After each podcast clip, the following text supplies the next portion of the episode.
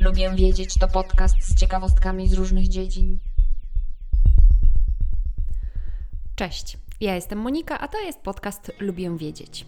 Dziś opowiem Wam o tym, czym jest czkawka, co ją powoduje i jaki znam jedyny działający lek na czkawkę. Jeśli Was to interesuje, to zapraszam do słuchania dalej.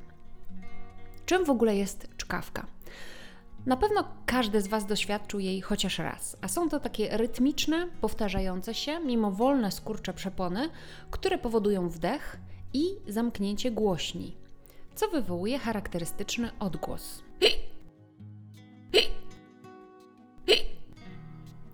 Jest to bardzo powszechna dolegliwość, z reguły ustępuje samoistnie, chociaż zdarzają się jej formy przewlekłe.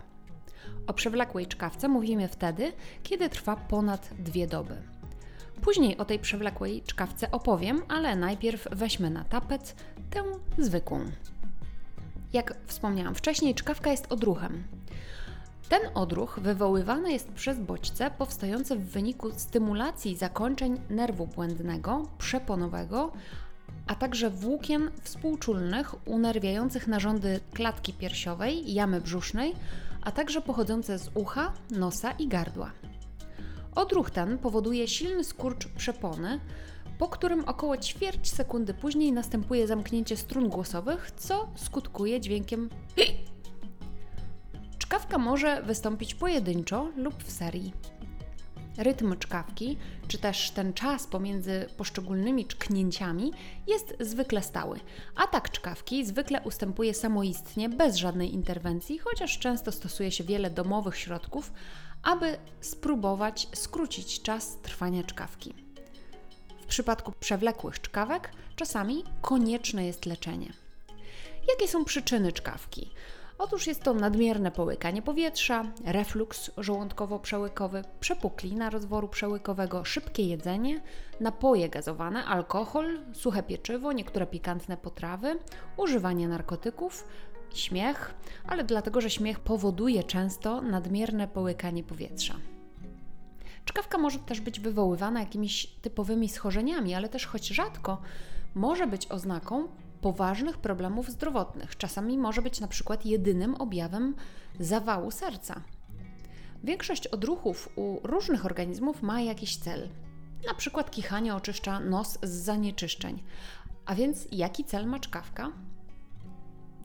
Jedna z sugestii jest taka, że czkawka mogła ewoluować wraz z innymi odruchami rozwiniętymi u ssaków, które pozwalają im koordynować ssanie mleka i oddychanie. Czkawka występuje tylko u ssaków i najczęściej u niemowląt, a z wiekiem coraz rzadziej. Może to sugerować, że czkawka jako odruch powstała po to, aby umożliwić wypuszczenie powietrza uwięzionego w żołądku ssących niemowląt, tak żeby mogły zjeść jak najwięcej mleka. Hipoteza sugeruje, że pęcherzek powietrza w żołądku stymuluje zakończenia nerwowe na receptorach w żołądku, przełyku i wzdłuż przepony.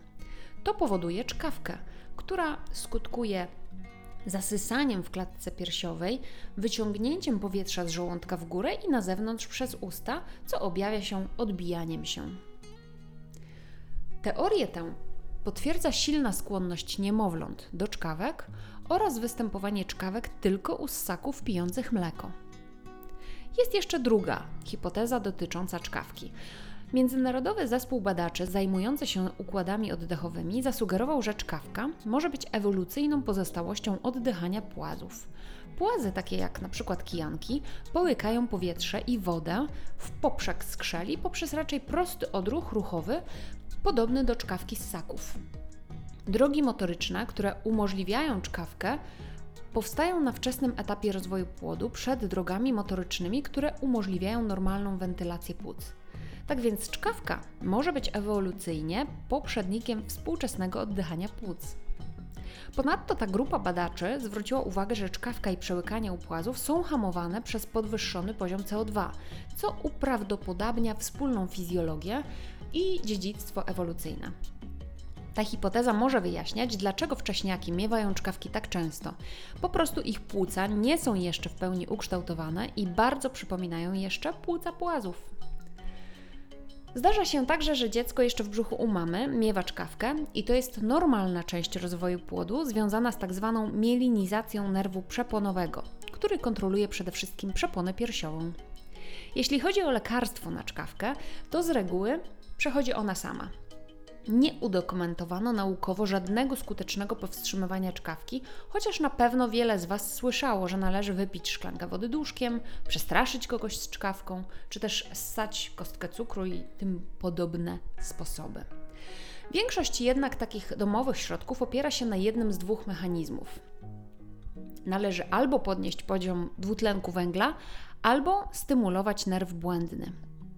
Do pierwszej grupy należą metody podnoszące poziom dwutlenku węgla, CO2 we krwi, co hamuje skurcze przepony. Techniki te obejmują wstrzymywanie oddechu lub na przykład oddychanie do papierowej torby.